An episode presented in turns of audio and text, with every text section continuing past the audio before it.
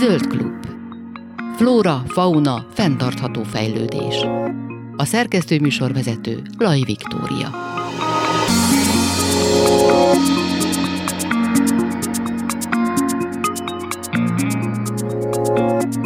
Kellemes délután kívánok, Laj Viktoriát hallják. Az Európai Bizottság február február elején közé tette egy rendelettervezetet, hát amiben az atomenergiát és földgáz alapú energia termelést hivatalosan környezeti szempontból fenntarthatónak minősíti, és hát több szervezet is többek között a WWF Magyarország szerint is ezzel lényegében intézményesítik a, ennek az energiatermelési módnak a zöldre festését. A WWF Magyarország és több más civil szervezet arra kéri, vagy hát arra szólítja fel a magyar kormányt, hogy hagyjon fel a földgáz és az atomenergia zöldre festése melletti lobbizásra tulajdonképpen hogyan jutottunk el ide, és hogy mi történik itt pontosan, ami, ami most itt egy kicsit megkavarta az állóvizet, arról kérdezem Harmat Ádámot, a WWF Magyarország éghajlatvédelmi program vezetőjét. Szervusz, jó napot kívánok! Szervusz, köszöntöm én is a hallgatókat. Magáról a, a taxonómiai rendeletről egy kicsit mesélek uh-huh. akkor, mert Köszönöm. igazából ez egy eléggé hosszú történetnek, értem nem is a végére még egyáltalán. Tehát magát a taxonómiai rendeletet azt azért találtak ki gyakorlatilag az EU, ugye maga a taxonómia szó is ismerős is lehet biológia óráról, ugye ez a, a rendszertan kapcsán, és hát gyakorlatilag itt is ugyanaz történik, hogy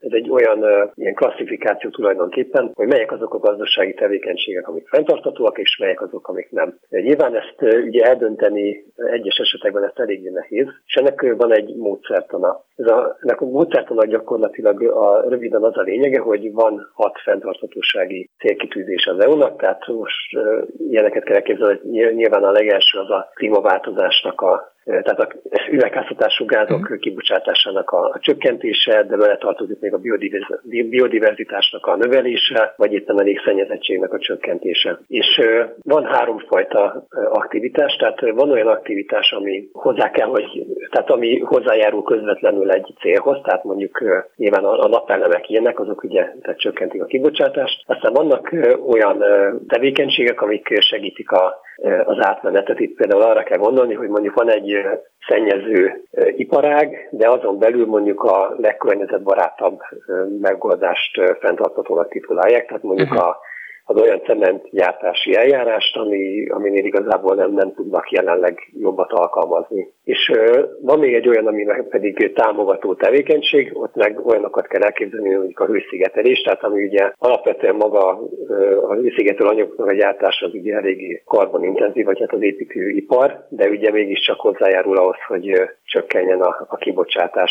És nagyon-nagyon fontos az, hogy egy tevékenység, hogyha hozzájárul az egyik célkitűzéshez, akkor másik célkitűzés ellen nem hathat. Tehát például az nem lehet, hogy ugye egy olyan gazdasági tevékenységet zöldnek mondunk, ami mondjuk csökkenti az üvegházhatású gázkibocsátást, de mondjuk a, a biodiverzitást is csökkenti sajnos így. Aha. Tehát ezek így a nagy keretrendszerek, és ami történik az az, hogy tehát magát a rendeletet azt még 2020 közepetáján meghozták, és azóta, tehát ugye azért rengeteg-rengeteg gazdasági tevékenység van, és azóta kiadnak időről időre ilyen úgynevezett felhatalmazáson alapuló jogi aktust, ez a pontos neve, tehát ez a rendeletnek egy ilyen mellékleteként lehet talán felfogni, és ezekben vannak pontosan leírva, hogy melyek azok a gazdasági tevékenységek, amik akkor fenntarthatónak számítanak.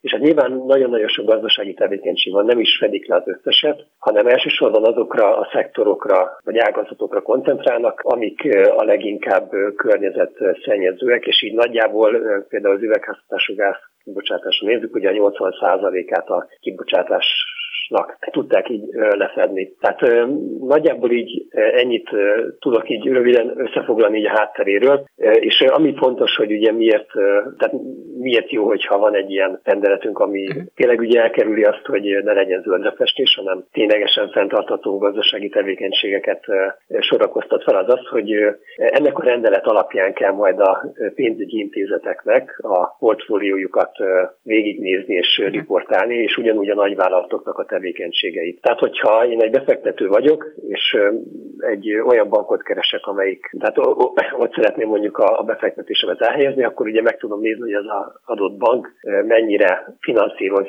fenntartató tevékenységeket, és mennyire nem. Tehát, hogy ilyen szempontból ez, amiatt nagyon-nagyon fontos, hogy magának a környezetvédelemnek, vagy a klímavédelemnek a pénzügyi része is meg legyen támogatva. Tehát fennáll annak a veszélye, hogyha ezeket zöldnek nyilvánítjuk, akkor hatalmas összegű pénzmennyiségek fognak ide beözönleni, ahelyett, hogy tényleg fenntartható energiákba ment volna, hogyha jól fordítom. Így igaz, tehát most azzal, hogy a bizottság most tett egy olyan javaslatot, hogy ugye bekerült mondjuk a ugye földgáztüzelésű erőművek is a fenntartható tevékenységek köré, tehát Innentől kezdve az, hogyha egy, mondjuk egy pénzügyi intézet egy földgáztüzelésű erőművet finanszíroz meg, az úgy fog megjelenni, hogy ő egy fenntartható tevékenységet finanszíroz. De egyébként kritériumokat fogalmaztak meg, hogy mikor lehet mondjuk egy földgáz alapú energiatermelő vállalkozás fenntartható, tehát hogy minek kell megfelelnie, hogy bekerüljen ebbe a kategóriába, vagy ez ámblok akkor jelen van és elérhető? Természetesen van kibocsátási, tehát nyilván a leghatékonyabb földgáztüzelésű erőműveket lehet majd finanszírozni, de ugye az a probléma az, hogy a leghatékonyabb is nagyon-nagyon szennyező. Tehát, hogy oh. ezt ugye a földgáz esetében ugye hiába van az, hogy mondjuk egy széntüzelésű erőműhez képest fele akkor kibocsátása, az így is nagyon sok, és tulajdonképpen ez ezzel, ezzel a problémánk, hogy ezzel nem járulunk hozzá a klímaváltozás mérsékléséhez. Tehát ugye amit a földgáz védelmébe szoktak mondani, az az, hogy ugye egy nagyon rugalmas energiahordozó, tehát ugye egy földgáz erőművet azt nagyon jól lehet szabályozni, és ami az indok az az, hogy a, mondjuk a szél meg a napenergia termelés, tehát ami ugye időjárás függő, ezeket szépen ki tudja egyenlíteni. De a probléma az az, hogy ha szeretnénk magunkat tartani a másfél fokos felmelegedési limithez, akkor csökkentenünk kellene a földgáz kibocsátását, tehát a földgáznak a felhasználását, és nem pedig növelni. Tehát olyan megoldásokat, más megoldást kéne találni, például a megújulóknak a nagyobb integrálására villamosenergia mixbe, amikor nem, nem a földgáz, hanem ténylegesen hozzájárulnak ahhoz, hogy ez az energiátmenet ez minél kevesebb széndiokszid kibocsátással járjon. Tehát ugyebár az atom meg úgy híresült el, mint egy tiszta energia, hogy akkor merül fel a kérdés, hogy akkor vajon ezzel mi a probléma, de hát nyilván mindenki hallott már az atomhulladékoknak a nem megoldott kezeléséről. Igen, tehát ezzel kapcsolatban meg hát a legjelentősebb probléma az pontosan ez, hogy ugye van ez, a, amit már korábban mondtam, a jelentős károkozásnak az elkerülése. Igen. És az, hogy ugye termelünk egy olyan hulladékot, aminek a kezelés kezelését, vagy hát a tárolását biztonságos körülmények között meg kellene oldani ugye több százezer évre. Ez, ez egy olyan dolog, ami ugye hiába üzemelnek már 50-60 éve is erőműveket, még mindig nem sikerült az emberiségnek megoldania. Például van egy olyan EU-s célkitűzés, ugye csak néhányat említettem, hogy a körkörös gazdaság, hát ez uh-huh. semmiféleképpen nem tekintető körkörös gazdaságnak, tehát a, a kiégett fűtőelemeknek csak egy nagyon kis részét tudják ugye újra felhasználni, és hát ugye a magas radioaktív hulladékoknál pedig, ugye, mint mondtam, ez egy hatalmas probléma, hogy ezek nagyon nagy kockázatot jelentenek, ugye évszázadokra erőre nézve is. Egyébként ezeknek a kezelésére vonatkozik most valamiféle jogszabály, tehát hogy előírják, hogy meddig kéne ezeket megoldani, hogy tovább működhessenek? Tudtommal nincsen ilyen, és hát ugye pont ez a probléma, és ugye ez fontos kihangsúlyozni, hogy ugye nem arról van szó, hogy akkor ezeket a tevékenységeket most be kellene tiltani, hanem ugye most arról beszélünk, hogy mi, mi számít igazán fenntarthatónak, és mi nem. És ugye itt ez a probléma, hogy ahogy már ugye mondtam a földgáz erőműveknél, tehát mondjuk egy Paks 2 beruházást is így akkor egy fenntartható beruházásnak lehet ilyen szempontból tekinteni. Most kinél van akkor a labda ezek után? Tehát hogy áll most ez, a, ez egy javaslat tervezet, hogyha minden igaz, mi fog most itt történni várhatóan? Ugye, ami fontos, hogy amit mondtam, ez egy rendeletnek tulajdonképpen egy mellékletének tekinthető. Aha. Tehát uh, itt most nem ugyanaz lesz a, az eljárás, mint ami általánosságban szokott, hogy akkor most a, a parlament még megvitatja, aztán a tanács is megvitatja, aztán még ugye a bizottság, a tanács és a parlament együtt megvitatják, hanem itt sokkal nagyobb jogköre volt a bizottságnak, és gyakorlatilag most ami történhet az az, hogy ez most a parlament elé kerül, tehát az Európai Parlament elé, és ők ezt vissza tudják utasítani. De hogy ilyenfajta párbeszéd, ami ugye normális esetben szokott lenni, az, az itt, itt nincsen. Tehát ez a legjobb eset, ami történhet, hogy ugye a 364 vagy 353 tagú parlamentnek a, a felét sikerül valahogy meggyőzni, hogy ezt ezt leszavazzák. Én gondolom Magyarország támogathatta e, ennek a, vagy hát ezt a, ezt a kiegészítést, ezt lehet tudni egyébként, hogy még mely országok lobbiztak mellett, hogy ez zöldként menjen át ez a, ez a két energia? Így igaz, ez valamennyire nyitott ajtók előtt történt, tehát amit lehet tudni az az, hogy ugye főleg Franciaországnak volt nagyon fontos az atomenergia, ennek cserében, tehát nekik viszont ugye nem volt fontos a földgáz, de mivel ugye ott kiemelt prioritása az atomenergia, ezért ugye Franciaország mhm. a lobby erejét kihasználva ugye szövetségbe lépett több olyan tagállam, köztük Magyarországgal is, hogy ha ők is támogatják a nukleáris energiának a rendeletbe foglalását, akkor ők cserében ők is támogatni fogják a, a földgázt. És hát gyakorlatilag a, aki ö, teljesen ellene volt, az nyilván Németország. Ö, ugye nemrég ki is jött egy hír, hogy ö, Németország most a, az Európai Bíróságnál tervezi ezt a lépést gyakorlatilag most bíróságra vinni. Meglátjuk, hogy ebből mi lesz, tehát ez is még akár egy, egy opció lehet, mert igazából ez, tehát az, hogy ugye a földgáz és a nukleáris energia bekerült, ez igazából magának a rendeletnek is ellene mond. Uh-huh. Úgyhogy ilyenfajta jogi aktus is történhet még. Tehát Magyarországra visszatérve, Magyarország támogatta mind a földgáz, mind az atomenergiát, de hát nem, nem voltunk egyedül, azért a én mondtam, a, a tagállamok többsége az igazából, a, a, tehát a, a földgázt azt sajnos abszolút többséggel támogatták, és ugye jelentős száma voltak olyan országok, amik a, a nukleárist is Hát hogy lesz így zöld energia átmenet, hogyha egyszerűen a lobby érdekek mindig ott vannak és keresztbe feksz, fekszenek az úton? Kicsit reménytelennek tűnik a helyzet, nem? Hát így igaz, és főleg úgy, hogy ilyenfajta zöld besorolási rendszer létezik már, tehát volt, van ilyen a piacon, és azoknál ez egyáltalán nem volt jelentő, tehát ott a földgáz és a nukleáris nincsen benne, uh-huh. és pont az lett volna a lényeg ennek az EU taxonómia rendeletének, hogy egy jó példát mutasson globális szinten is, uh-huh. tehát más piacokon is ez egy ilyen átvehető jó példa lehessen, és hát a másik szerintem kicsit nevetséges dolog, hogy az EU saját magával is ellentmondásba került, mert itt a koronavírus kapcsán felmerül gazdaságélénkítő csomagoknál is hoztak kritériumokat, és ott például a földgáz és a nukleáris nem vették bele. Tehát ez úgy hm. látszik, hogy ez a lobby hm. erő, ez, ez azóta jelent meg sajnos. Köszönöm az információkat Harmat Ádámnak, a WWF Magyarország éghajlatvédelmi programvezetőjének. Köszönöm a beszélgetést. Köszönöm szépen.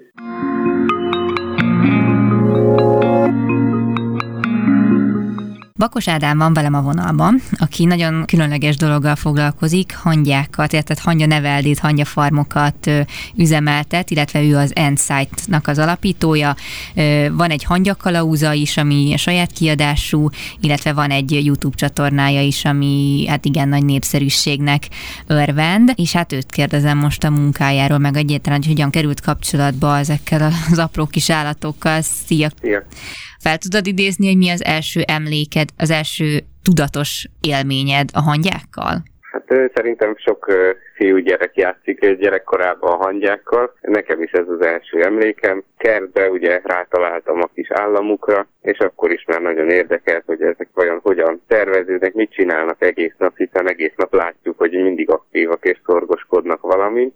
Eléggé lekötött már gyerekkoromban is. De hogyha minden igaz, akkor pár éve, 2010-es évek közepén kezdett el jobban érdekelni ez az egész hangya kérdés, már mint így, hogy komolyan foglalkozzál vele, akár tudományos szempontból is, amikor, ha minden igaz, akkor egy ilyen videós, videócsatornán keresztül ismerkedtél meg ezekkel a lényekkel, és aztán elkezdted őket a saját örömödre, vagy a saját kedvedre tartani is őket. Mi volt az első faj, amit beszereztél? Igen, az első faj az a Lazius niger volt, ami ilyen nagyon elterjedt gyakori faj az ember közelében. És hogy sikerült ezeknek a tartása? Mert gondolom, amikor belekezd az ember, akkor hiába olvas utána mindennek, de borzasztó sok dolog mehet félre. É, igen, igen. Hát az első tartás az nálam sem volt sikeres. A kertből begyűjtött királynővel, hát sajnos őt közvetlen napfénynek tettem ki, és akkor így az üvegházhatás miatt nem volt sikeres a dolog. Láttam, hogy nem érzi jól magát, hogy inkább el is engedtem. Úgyhogy az első próbálkozásból én leginkább tanulni lehetett csak. De amikor begyűjtött vetted a kertből a királynőt, akkor ez, ez vajon okoz a bolyban egy felfordulást? Tehát, hogy ezzel nem okozunk gondot a, az ő természetes kis életüknek? Nem, ezek a királynők, ezek frissen rajzottak, tehát ők új államot alapítanak, és akkor gyűjtjük be őket, mielőtt ugye az új bolyt elkezdeni. Tegyük szerintem át, hogy hogyan, hogyan kéne történnie, hogyha az ember tartásra adja a fejét, de igazából, ha már ezt megkérdezem, akkor rögtön az is felmerül, hogy igazából miért. Tehát, hogy saját kedvtelésre nyilván lehetséges, de hogy azért ebből meg is lehet élni, hogyha minden igaz. De hogy miért? Tehát, hogy kinek lehet eladni ezeket a hangyákat? Itt kizárólag ilyen hobbitartókra lehet alapozni? Hát, mint ahogy kezdőként engem is ugye saját hobbi célra érdekel, így az én vevőimet is ezek motiválják, hogy megismerjék, megtapasztalják a hangyák érdekes világát, de kapcsolatban állok egyetemekkel is, nekik is árulok hangyát, illetve hát fotózok is olyanoknak, akik hangyákkal foglalkozó például cikkeket írnak, és akkor ahhoz bizonyos fajokról illusztrációkat. Na de akkor vissza az eredeti kérdéshez, hogy valaki ezt elkezdi, elhatározza, hogy elkezdi, akkor milyen lépéseken kell neki keresztül mennie? Hogyan néz ki felépíteni egy ilyen hangya, hangya bolyt, családot, bármit? Hát először a királynőről szoktak indulni. A királynő államot alapít, ez azt jelenti, hogy ő már termékeny, így kapják meg, így szerzik be a kezdők is, és lerakja az első petéit, és felneveli a egészen nagy kolóniát. Hát fajtól függ, hogy mennyi idő alatt, van amikor több év munkája, van amikor egy éven belül. Egy kémcsőbe neveljük az első időszakban a kolóniát, a királynőnek vizet zárunk el a kémcső végébe egy vattával, ez itatásra és párásításra szolgál, ugyanígy a kémcsőbe eltetünk, azt takarítgatjuk, és akkor, amikor elejéig dolgozó létszám felnövekszik, elég sok generáció, ha lesznek ilyen 30-40-en, akkor viszont már berakhatjuk őket egy formikáriumnak nevezett hangyafarmba. Erről néztem egyébként egy videót, amin éppen átköltöztetsz egy családot egy másik formikáriumba, mert hogy kinőtték, és hát azt, az azért a videóból is lejött, hogy ez nem volt egy egyszerű feladat, meg nem is egy nap alatt ment végbe, meg pár óra alatt, hanem valami több mint 30 napon keresztül történt az, mire birtokba vették egyáltalán, tehát hogy hogyan alakítasz ki egyáltalán nekik egy vélhetően megfelelő helyet egy formikáriumban, azt mivel rakott el esetleg, és ők innentől kezdve mi múlik, hogy beköltözik-e, hogy magukénak érzik-e? Itt a fontos nagyon a fajok ismerete. Tudjuk, hogy milyen igényeik vannak a hangyáknak, ugye tapasztalat után azt is tudjuk, hogy nagyjából milyen élőhelyre hogyan fognak reagálni, és ez alapján próbáljuk kialakítani nekik az élőhelyeket, ami ugye minél alkalmasabb. És ez vagy sikerül, vagy nem, mindig érdekes interakció, hogy a hangyák hogyan reagálnak egy-egy élőhelyre, esetleg átalakítják, vagy nem a számításaink szerint költöznek be, uh-huh. úgyhogy ez egy folyamatos munka és tapasztalat és kihívás. Mennyi ideig élnek veled? Egy bolynak az élethossza, az általában a királynő élethossza szokott lenni. Vannak olyan fajok, amik 10 vagy akár 20-25 évig is élnek a királynő, és így a boly is. Nekem a legidősebb bolyom az 5 éves. Kevesebb veszély leselkedik a dolgozókra természetben, hiszen ugye itt nincsenek ragadozó rovarok a környezetükben, meg madarak, mhm. gyíkok, amik ugye elfogyasztják őket. A királynő esetében pedig, hogyha változatos táplálást kap és jó körülményeket, akkor lehet hosszabb, igen, mint a természetben. Hogyan reagálnak egyébként más, más fajokra ezek a, ezek a hangyák? Nem tudom, hogy ilyenekkel szoktál kísérletezni, hogy mondjuk egy adott bolyba berakni egy másik fajt. Hogyan reagálnak egymásra, hogyha nem ugyanaz a család? Alapvetően a hangyák azok nagyon territoriálisak, és mivel a bolyok egymás riválisai, mert ugye ugyanazt fogyasztják, ugyanazt a táplálékforrás, ami szűkös a természetbe, ezért ők agresszívan reagálnak egymásra. Viszont megvannak azok a bizonyos módszerek, amivel például még lárva stádiumba be lehet tenni bizonyos fajhoz bizonyos faj, és akkor felnevelik, és akkor közéjük való lesz. Ez is egy érdekes kísérlet. Uh-huh. Én végzek kísérleteket arra vonatkozólag is, hogy több fajt együtt tartani békésen, ugye úgy, hogy bőséges élelemmel ellátjuk, olyan mhm. fajokat párosítunk, ez idáig kevés sikerrel mhm. járt ez a dolog, úgyhogy még, még hosszas kísérletezések várnak ebbe a témába. De akkor elméletileg lehetséges? Elméletileg igen, néhány toleráns fajjal, de ez a fajoknak mondjuk az öt 1%-a vagy a 2%-a nem olyan sok. De ha már a fajokról beszélünk, akkor egyrészt nálad mennyi, hány faj található, illetve miket tudsz egyáltalán itthon tartani? Tehát, hogy itt őshonos fajokra kell gondolni, vagy külföldről is tudsz beszerezni fajokat? Hogy működik ez? Én összesen eddig 130 fajjal gyűjtöttem tapasztalatot, most jelenleg olyan 20-30 fajt tartok, viszont mm. hát ez több száz volt jelent, mert egy fajból ugye többet is. A hazai fajok vannak nagyobb számba, de külföldi trópusi fajokkal is próbálkozunk, kísérletezünk. Amikor néztem speciál ezt a videót, akkor ez például nagyon érdekes volt, hogy egy üvegben vannak lényegében ezek az állatok, és látnia, hogy például a járatokat kiválják, kialakítják ott maguknak a mhm. kis, a kis fészket, hogy gondolom azért ez többek között ad neked is arra lehetőséget, hogy jobban megfigyeld az ő munkájukat. Ez az egész hobbi onnan származik, hogy kutatók szerették volna megfigyelni a bolyban működő dolgokat is, a bolyban működő tevékenységeket. Úgyhogy rengeteget lehet így eh, tanulni a hangyák életviteléről, meg lehet tanulni, hogy hogyan nevelik a lárvákat, hogyan alkalmazkodnak bizonyos körülményekhez, mint a pára, a hőmérséklet különbség, van nekik szemétlerakásra is külön taktikájuk, hogy azt mindig adott helyre teszik, ami a legoptimálisabb, hogy ne fertőzzék magukat vissza. Mm. Egyes fajoknál eszközhasználatot is meg lehet figyelni az élelembegyűjtésekor, illetve az, az egész rendszert, ahogy a hangyák működtetik, az egy nagyon érdekes folyamat. Az eszközhasználatra tudnál példát mondani? Igen, az eszközhasználat az úgy működik a hangyáknál, hogy bizonyos fajok a folyékony élelmet nem tudják begyűjteni, ezért különböző törmelék darabokat keresnek, uh-huh. amik felszívják ezt a folyadékot, és így be tudják vinni a fészekbe. És megtanul, megláthat, tehát meg lehet figyelni náluk a tanulási folyamatot is, mert ők tudják azt, hogy melyik ö, törmelék darabnak milyen a net szívó képessége, uh-huh. melyik a legjobb, hogy azt választják a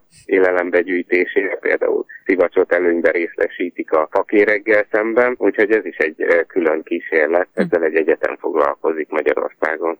De ez is egyébként nagyon érdekes, hogy saját kis hulladék lerakójuk van, hogy ez igazából miért fontos, hogy milyen veszélyek lehetnének abból, hogy a naszét hagynánk a, a szemetüket? A szemetüket azt általában megfigyeljük, hogy a meleg és száraz helyre teszik a farmokban. Ezt azért teszik, mert a párás környezetben gombák, baktériumok és egyebek jelennek meg a szeméten, ami ugye visszafertőzhetné őket, tehát veszélyes lenne a hangyákra nézve. Őket ösztönösen tudják, hogy ilyen helyre kell helyezniük a szemetet, és alkalmazkodnak a farmban a környezethez, hogy hol található ilyen hely. És akkor is alkalmazkodnak, hogyha megváltoznak a körülmények, például máshonnan kezdjük fűteni a farmot, máshol melegebb van, akkor áthelyezik a szemetet. De egyébként mennyire avatkozol te közbe az életükbe, már mint tehát, hogyha mondjuk egy, egy ilyen dolog történne, hogy a, valami, nem tudom, gomba elszaporodik az adott formikáriumban, akkor kitelepíted őket, átköltözteted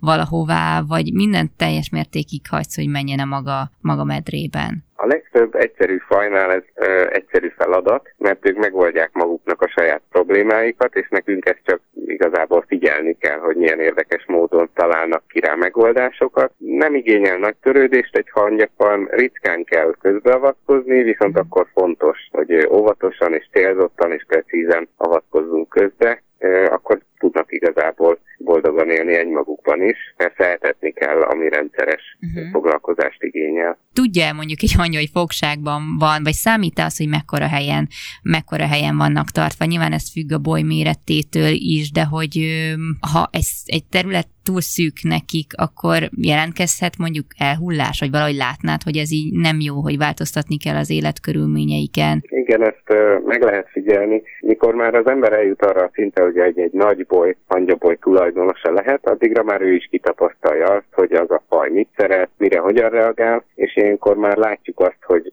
éppen kinövik a formikáriumot, lehet látni, hogy sok dolgozó van, és azt is lehet látni, hogy sok utót fog kikelni, tehát a piasítás állapotát is látjuk. Ez valamennyire szabályozható, de persze nem a végsőkig, úgyhogy ilyenkor általában nagyobb helyre költöztetjük őket. És akkor gondolom, hogyha mondjuk akár egy egyetemnek adsz a hangyákat, akkor ebből a bolyból választott ki a, a kért egyetszámot, és ez ilyenkor nem okoz problémát mondjuk a, a működésben, a szervezet működésében? Általában nem a bolyt szoktuk elfelezni, kivéve a több királynős fajoknál, ott van rá lehetőség, nem akkor nevelek egy akkora bolyt, amennyi, amekkorára szükség van. És akkor azt időben is annyira előre el kell kezdeni, mondjuk 6 vagy 8 hónappal előbb, hogy akkor a kolónia legyen, amit ők már egyből tudnak is használni. Van most valami egy olyan faj, amit, amit tervezel beszerezni még a gyűjteménybe? Nagyon sok fajjal szeretnék még próbálkozni, szerencsére elég széles a diverzitás, és minden fajnak vannak különlegességei. Igen, abszolút vannak olyan fajok, amik listá, listások. Vannak olyan fajok, amiknek egészen különleges a külseje, tehát ilyen darásszerűek például, vagy ilyen a megjelenésük különleges. Vannak, aminek az életmódja, vagy a tulajdonságai. Bizonyos fajok leutánoznak más fajokat azért, hogy befogadják és élelemhez vezessék őket. Vannak olyan fajok, amik különleges módon vadásznak, ugranak, vagy hasonló képességeik Aha. vannak, úgyhogy sok, sok izgalom van benne. Hát nagyon szépen köszönöm Bakos Ádámnak, az Endsight alapítójának, hogy mindezeket elmondta, és akkor jó hangyászást kívánunk a közeljövőbe. Zöld Klub. Flóra, fauna, fenntartható fejlődés. Az erdőfürdő a tudatos érzékszervekre épülő természeti megmerítkezés élménye. 1982-ben Japánban egy nemzeti egészségvédelmi program keretében hozták egyébként létre stressz csökkentés okából. Az erdőfürdő egy olyan egészséget támogató gyakorlat, ami természet kapcsolatra épül. Gyakorlása mentén, ahogy írják, a jólét növekszik, a stressz szintje csökken, és így ellazult állapotba kerülünk lassan sétálunk az erdőben, belélegezzük az erdei levegőt, és egyben egy érzelmi kapcsolatot is felépítünk és ápolunk a tájjal, ahol járunk. Nem sokára pedig nemzetközi erdőfürdő vezető képzés indul hazánkban. A Nádur Center for Integrative Forest Therapy Magyarországi képzése lesz ez, aminek a szervezői maguk is a módszer első fecskéi, első képviselői itt Magyarországon. A vonalban van velem Stankó Kata, integrált tanácsadó és tréner, erdőfürdő vezető és erdőterápiás szakember, a Magyar Erdőfürdő és Erdőterápia Társaság alapító tagja. Jó napot kívánok! Jó napot kívánok, üdvözlöm! És azt még tegyük hozzá, hozzá hogy ez Györfévával közösen, társalapítóval, ha jól sejtem, közösen igen, fogják végezni. Van, igen. Viszont erdőfürdő, egyszer nagyon régen már volt hasonló témánkban interjúnk, de hát nyilván nem feltétlenül emlékeznek a hallgatók arra, hogy tulajdonképpen uh-huh. ez mi is. Nagyon elvontan hangzik, de én már vettem részt egyébként hasonlón, és egyáltalán nem az. Nem elvont, uh-huh. csak egy kis odafigyelés és koncentrációt igényel. De az önszavaival hogy tudnám megfogalmazni az erdőfürdő lényegét? Így van, nem is próbálom összeszedni így a lényegét.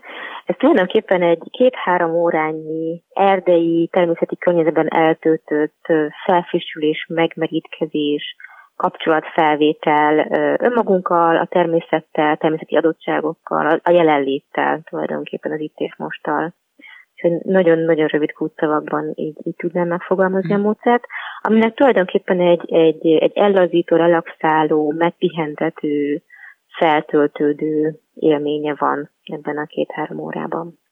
Hogyha nem bánja, én picit, uh-huh. ha meg tudnánk nézni azt, hogy tulajdonképpen hogy jut el az ember oda, hogy egyáltalán kapcsolatba kerüljön a, ezzel a dolog, hogy erdőfürdő, vagy magával az erdővel, vagy a természettel. Tehát uh-huh. ez nem feltétlenül ebben kell felnőni. Tehát ezt nem úgy kell elképzelni, nem, hogy valakinek állandó, ugye gyerekkori kapcsolata van az erdővel, Igen. hanem később is hozzátalálhat. Mi az ön Igen. személyes története? Én tipikusan nem egy ilyen családban nőttem fel, aki nagyon, nagyon túrázós lett volna, Jártunk azért, meg volt egy kis sport, meg, meg szabadidős tevékenység a családi hagyományokban, de mi ez a család voltunk, aki autóval elment valahova, vittük a szendvicset, picit sétáltunk, megettük a szendvicset, autóba ültünk, hazamentünk.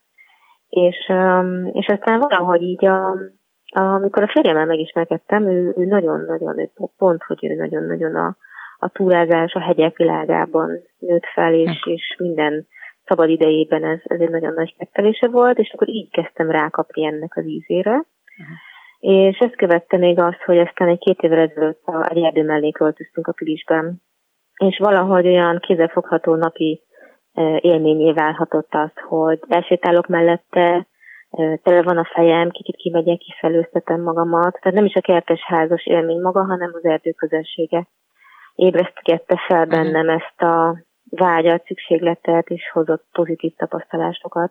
És akkor ezen túl még egyébként ebből a coach mentálhigiénés segítő hátteremből fakadóan pedig, pedig nagyon érdekelt mindig is az, hogy hogyan tudok ellazulni, e, megpihenni, a feszültséget vezetni, és, és akkor valahogy ezek a szálak így összeértek így az erdőfürdőben számomra. Ugye ezt azért tudjuk, hogy elazulni nagyon-nagyon nehéz, és hogyha az ember nyilván próbál, és ez, ehhez nyilván kell egyfajta környezet is, ahol ez sikerülhet. Tehát a, tulajdonképpen az, hogyha én otthon lekapcsolom a villanyt, és sötétben egy picit megpróbálok befelé fordulni és gondolkodni, az lehet, hogy nem lesz olyan eredményes, mint hogyha én, én ezt ott teszem, ahol tulajdonképpen származom a természetben. Igen. Vagy ezzel egyet lehet érteni, hogy ez így van? Igen, én azt gondolom, hogy, hogy maga az a, az emberi természet és szervezet számára az egy megpihenést hoz, hogyha látok egy, csak egy szobanövény, most itt nézek magam előtt, hm. látok egy szép zöld szobanövényt, vagy a, kinézek az ablakon, és látom, hogy fújja éppen a kis kopaszfákat, de, de fújja a szél, és mozgatja.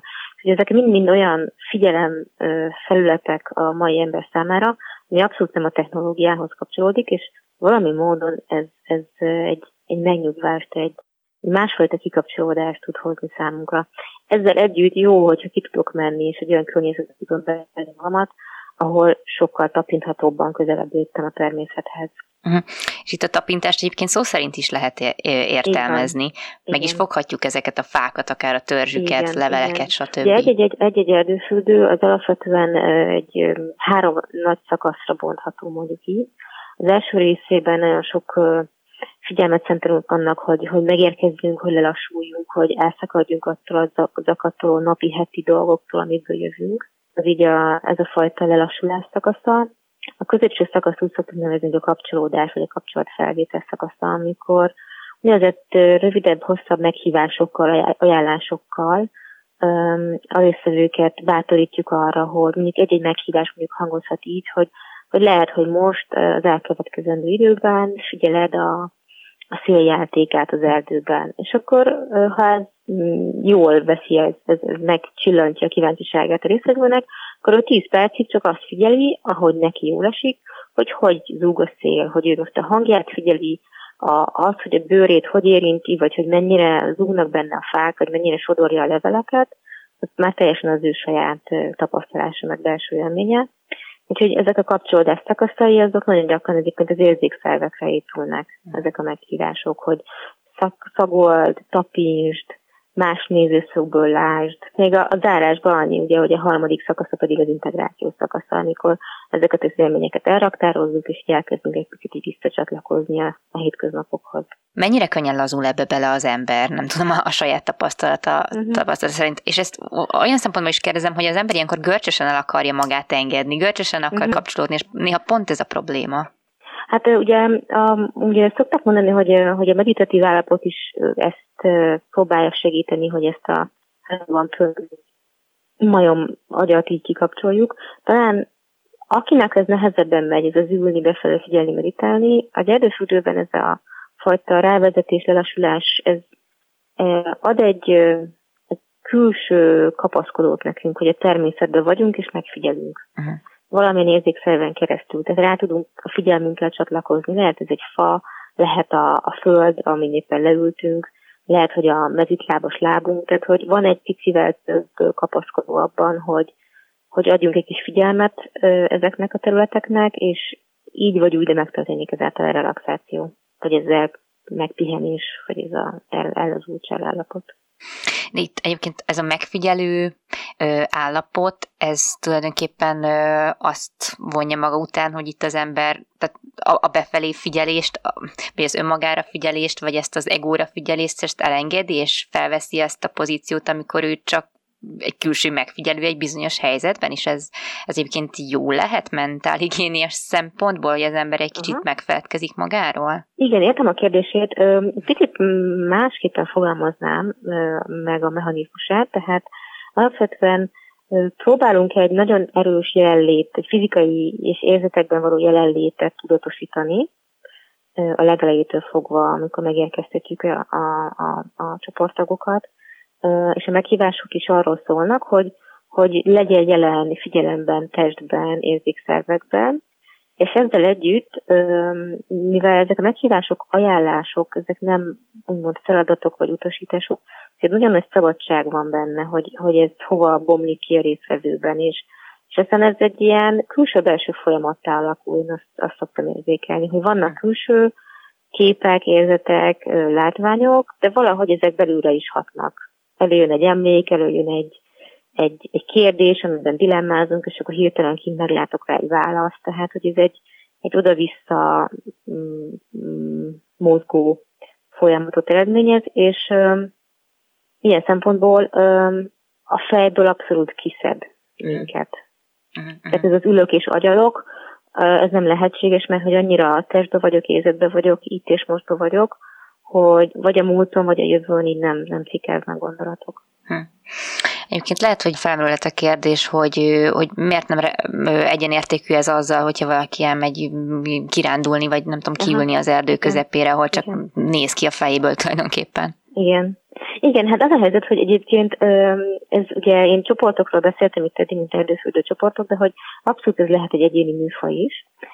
Szerintem ami fontos különbség, hogy a túrának általában ugye, ugye a természet járásnak van egyfajta célja, hogy kirándulunk, vagy kéktúrázunk, hogy elmegyünk 10 kilométert, vagy teljesítménytúrába rakjuk ezt az egészet, és ebben nagyon gyakran inkább átsétálunk a természeten, mint hogy beleérkeznénk, mert uh-huh. beszélgetünk, megeszünk a szendvicset, lehet, hogy még bográcsozunk is menet közben egyet, Míg mondjuk egy erdőfürdő alkalmával azért mi inkább egy nemes csendben, egy, egy szemlélődésben, egy, egy szavakon túli világon keresztül érzékelünk sok mindent. Uh-huh és azt gondolom, hogy ha, ha valakinek megvan erre a belső vezettetése és akár fegyelme és kreativitása, ez abszolút működik egyéni műfajként is. Valakinek viszont azt, azt érzi, hogy szüksége van arra, hogy kapja hozzá keretet, inspirációt. Irányvonalat, és akkor ezt tudja egy előfordulóvezető adni a csoport számára, uh-huh. a mhm. csoporttagok számára. Nyilván, aki elmegy egy ilyenre, vagy részt szeretne venni, az már feltételez egyfajta hát vonzódást a természethez, de Igen. erről már volt egyébként korábban egy, egy beszélgetés, hogy vajon az, hogy az ember vonzódik a természethez, az egy magától értetődő dolog-e, mert hogy ebből származik, vagy pedig uh-huh. egy, egy tanult, vagy inkább egy ilyen, hogy mondjam, pszichés beállítottság kérdése, személyiség kérdése az, hogy az ember uh-huh. hogyan fogja magát érezni, vagy reagálni. Igen, nagyon nem mindegy, hogy mi a a, a neveltetés, azt gondolom, hogy milyen körülményekből jövünk, inkább ezt mondanám, mert mert aki, én jó magam abszolút egy, egy budapesti városi lány vagyok, panelházban nőttem fel, tehát nekem valahogy nem volt meg az a, az a beégés vagy imprint, hogy, hogy milyen is fákon fára mászni, cseresznyét szedni, ami, ami mondjuk egy, egy kertes házas vagy egy, egy falusi környezetben az abszolút a, a hétköznapok része. Uh-huh. És ilyen szempontból én inkább azt érzem, hogy nekem ez egy tudatos munka ezt a fajta kapcsolódást felépíteni. És van is rá vágyam, meg, meg akaratom, uh-huh. meg cselekvés, meg lelkesedés, és akkor ez most nekem így működik. Kérdés az, hogy kinek, ki, ki, benne, ki, ki hol, hol jár ebben az életében, hogy olvasott róla, és tudja, hogy kéne, de de inkább elviszi a lustaság, mert hogy azért itt télen, meg hideg van, meg, meg esik közösül, meg fúj a szél, és akkor inkább nem megyek ki. Vagy esetleg van-e már egy akkora nyomás így az életben, akár a stressz miatt, vagy, vagy nem tudom, elég gyakran ezek a különböző hormonbetegségek, termékenységi gondok készítik az embert arra, hogy valami új megoldást találjon, és emiatt indul el. Tehát nagyon sok lehet az ok, hogy ki miért indul el ebben az irányban de én azt látom, hogy, hogy van kíváncsiság és van nyitottság erre. És elsősorban er, erre a vezető, erdőfürdő vezető képzés, akkor már kiket várnak, akik már majd esetleg több alkalommal részt vettek maguk is, mint páciensek idézőjelben? Igen, tehát akár nem előfeltétel, hogy, hogy csak erdőfürdő tapasztaltak érkezhessenek az erdőfürdő vezető képzésre. Egyelőre azt látjuk, hogy a jelentkezőink között nagyon vegyes a háttér, hogy ki mibe jön. Tehát, hogy van, aki csak az erdő szélén nőtt fel, mm. valaki kifejezetten, nem tudom, outdoor, tréningeket vezet, és egy más modullal, modullal szeretné a, a portfóliáját bővíteni, tehát, hogy nagyon vegyes háttérből jönnek az érdeklődők. Természetesen minél több saját tapasztalatunk van az erdőföldről, szerintem az, az, az annál nagyobb érték majd az erdőfürdő vezetővé válás útján. Ezzel együtt maga a képzés ugye egy, egy ötnapos intenzív jelenléti, tapasztalati és, és elméleti oktatással zajlik majd. Ezt követő egy három hónapos mentorálási folyamat, ahol uh-huh. azért folyamatosan a, a saját élményekre is hívjuk a, az erdész, a képződő vezetőket, úgymond, hogy neki is megépüljön az a természet hívása, természet kapcsolata, amiből aztán ő táplálkozni tud majd, mint erdőszűrő vezető. Az elméleti részében egyébként olyanokat is lehet érteni, mint valamiféle ökológiai alapok? Vagy itt mit, mit tanulnak Nem feltétlenül kifejezetten ökológia, de mindenféleképpen így a, a természetről, hogy milyen területekben gondolkozhatunk, hogy hogy, hogy mi, mi a kiválasztási szempont abból tekintetben, hogy hol indítjuk ezeket a sétáinkat. Mindenféleképpen van egy pici tartalom arról, hogy milyen a, a csoportmunka, mert hogy ugye egyéni és csoportos helyzetekben is találják magukat a, a mhm. vezetők. Nem alapvetés az, hogy meg az a biológia vagy botanikai ismeret meg legyen. Nyilván minél több ismeretünk van gyógynövényekről, vadnövényekről, mi az, ami esetleg mérgező, veszélyes, csíp, szúr, az, az annál, mm. mondjam, magabiztosabb erdőszűrő vezetőket fog eredményezni. Nem célja egy-egy erdőfürdősét ennek, hogy mondjuk botanikai ismerettel uh-huh. a, úgymond a, a balacsfértekét megtápláljuk, hogy ez most milyen típusú fal, milyen típusú évelő, vagy éppen nem mhm. évelő uh-huh. növény. Ezzel együtt nyilván a természetben járunk, tehát jó tudni. Inkább ezért indirekt módon szokott így belecsapni ezekbe a helyzetekbe. Hm. Én arra emlékszem, hogy pont egy ilyen alkalommal tanultam meg egy életre azt, hogy a vadcseresznyefa annak milyen a törzse, meg a kérge, és hogy azt miről hm. lehet fel, felismerni, és egyébként ez egy nagyon érdekes ilyen kis kiegészítő volt, vagy kiegészítő elem volt. De itt még felhívják, illetve azt is írják, hogy itt egy nagyon hát erős vagy intenzív érzelmi kapcsolat jön létre a minket körülvevő környezettel, ami viszont nagyon fontos olyan tekintetben, hogy hogyan fogok én ezután saját magamra tekinteni, tekinteni, mint emberre, aki ebben a világban vagy mm-hmm. környezetben él. Igen. Tehát, hogy ökotudatos leszek-e, hogy igen. hogyan Igen. viszonyulok-e az egész fenntartatósági kérdéshez. Gondolom, az erősíti százszázalékosan az én elköteleződésemet e felé. Így van, tehát minél inkább megtalálom a kapcsolódást magammal, köztem és a, és a nem emberi világ közötti térrel, legyen ez természetnövény, állat, bogár, teljesen mindegy, hogy is találkozunk. Ugye erdősülőnek nevezzük, hiszen E, nyilvánvaló, hogy erdei környezetben ez nagyon él, de egy tengerparton ezt ugyanúgy tudjuk ezt a minőséget élni, vagy egy sivatagban. Nyilvánvalóan mi most itt Magyarországon főleg erdős területek között élünk, úgyhogy ez kapja a fő fókusz. De, és, és az az élményünk, igen, hogy minél inkább kapcsolódok, annál inkább lesz hozzá emlékem, élményem, érzelmem, és annál inkább akarok róla aztán onnantól kezdve gondoskodni, vagy odafigyelni. Vagy észreveszem, hogy nem csak útrappolok, hanem hova megyek, mit taposok le, hogy észreveszem, hogy szemetes volt, összeszedem, hogy, hogy otthon jobban táplálom a saját uh-huh. csak szobanövényeimet. Vagy esetlegesen már, amikor csak egy társasággal túrázok, lehet, hogy mm, rá tudom venni a többieket, hogy kicsit csendesebben, halkabban, és akkor ez más arcát is megmutatja, meg meghallhatunk olyan madár csicsergést, amit lehet, hogy egyébként túlbeszéltünk volna. Uh-huh. Hát ilyen tekintetben egyébként ez nagyon hasznos volna, hogyha már akár gyerekeknek is lehetne ilyen erdőfürdő kis túrákat, vagy kép, nem képzéseket, de programokat szervezni. Igen, így van. Hát egyébként ilyen kisgyerekes, családos erdőfürdőket már tart kollégám egyébként. Tehát ez nem, nem életkor specifikus. Nyilván más típusú meghívásokkal, meg, meg keretekkel kell készülni, amikor egy ilyen kisgyerekes korosztályán, meg családokkal uh-huh. tartunk egy, egy ilyen erdőfürdőt de nyilván más, hogyha mondjuk egy idősebb korosztály, aki nem biztos, hogy úgy le tud hajolni, vagy le tud ülni, vagy egy, egy, egy meredeket terepen nem biztos, hogy tud menni. Mi ezt említettem az elején, hogy önök mind a ketten a, hát az első képviselői között vannak ennek a, ennek a dolognak, hogy tulajdonképpen menny, hogyan lehetett ezt ide bevezetni, vagy átvezetni az embereken, hogy ez egy teljesen valid dolog, és hogy nem teljesen elborult ötlet az, hogy igen. az ember az erdőre igen, figyeljen. Igen.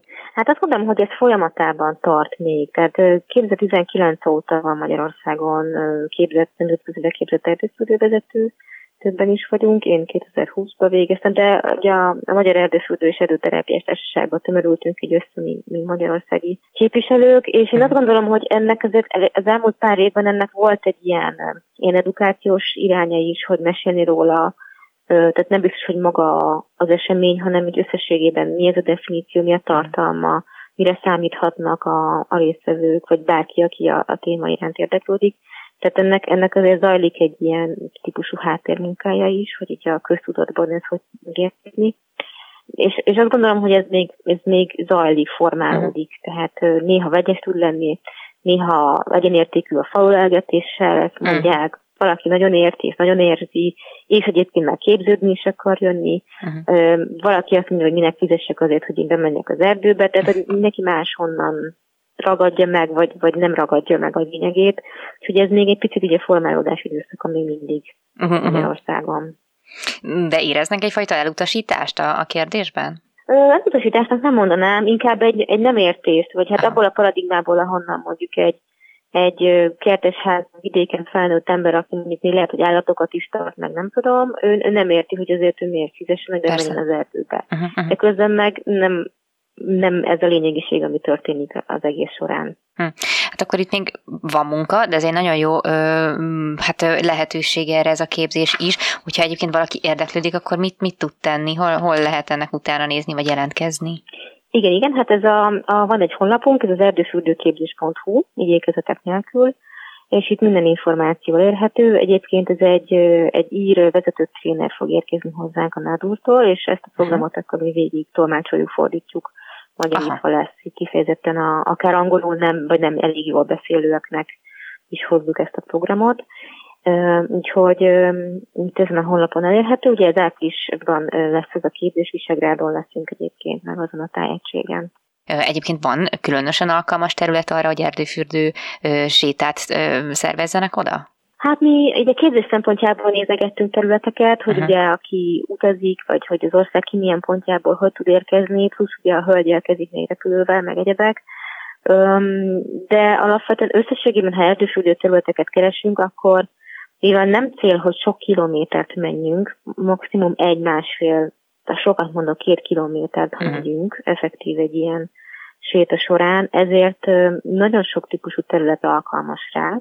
Kérdés az, hogy ha már mondjuk csoportba gondolkozunk, akkor és szeretnénk minél diverzebb területet, ahol van esetleg fenyő, lombhullató, legyen víz, ne legyen nagyon meredek, de mégis legyen esetleg a tárban valami érdekesség, és mondjuk pluszban még az emberi tevékenység zajai ne nagyon rondítsanak bele Aha. ebbe, azért úgy, úgy, úgy kell nézegetni a területeket, hogy, hogy hova is mehetnénk. Hát igen, mert elmegy az ember túrázni, és ott is igazából folyamatosan a sarkában vannak, és üvöltöznek sajnos, ez nagyon sokszor előfordul, igen, szóval igen, nehéz. Nem is biztos, hogy ezeket a klasszikus turista útvonalakat keressük milyen Aha. szempontból. Hát nagyon szépen köszönöm, és nagyon sok sikert kívánok akkor a munkájukhoz. Tankó Katával, integrált tanácsadó és trénerrel, erdőfürdővezető és erdőterápiás szakemberrel, a Magyar Erdőfürdő és Erdőterápia Társaság alapító tagjával beszélgettem. Köszönöm szépen még egyszer. Nagyon szépen köszönöm én is. Ezzel pedig a műsor végéhez értünk. Köszönöm az egész órás figyelmüket, további kellemes rádióhallgatást kívánok, Laj Viktóriát hallották viszont hallásra.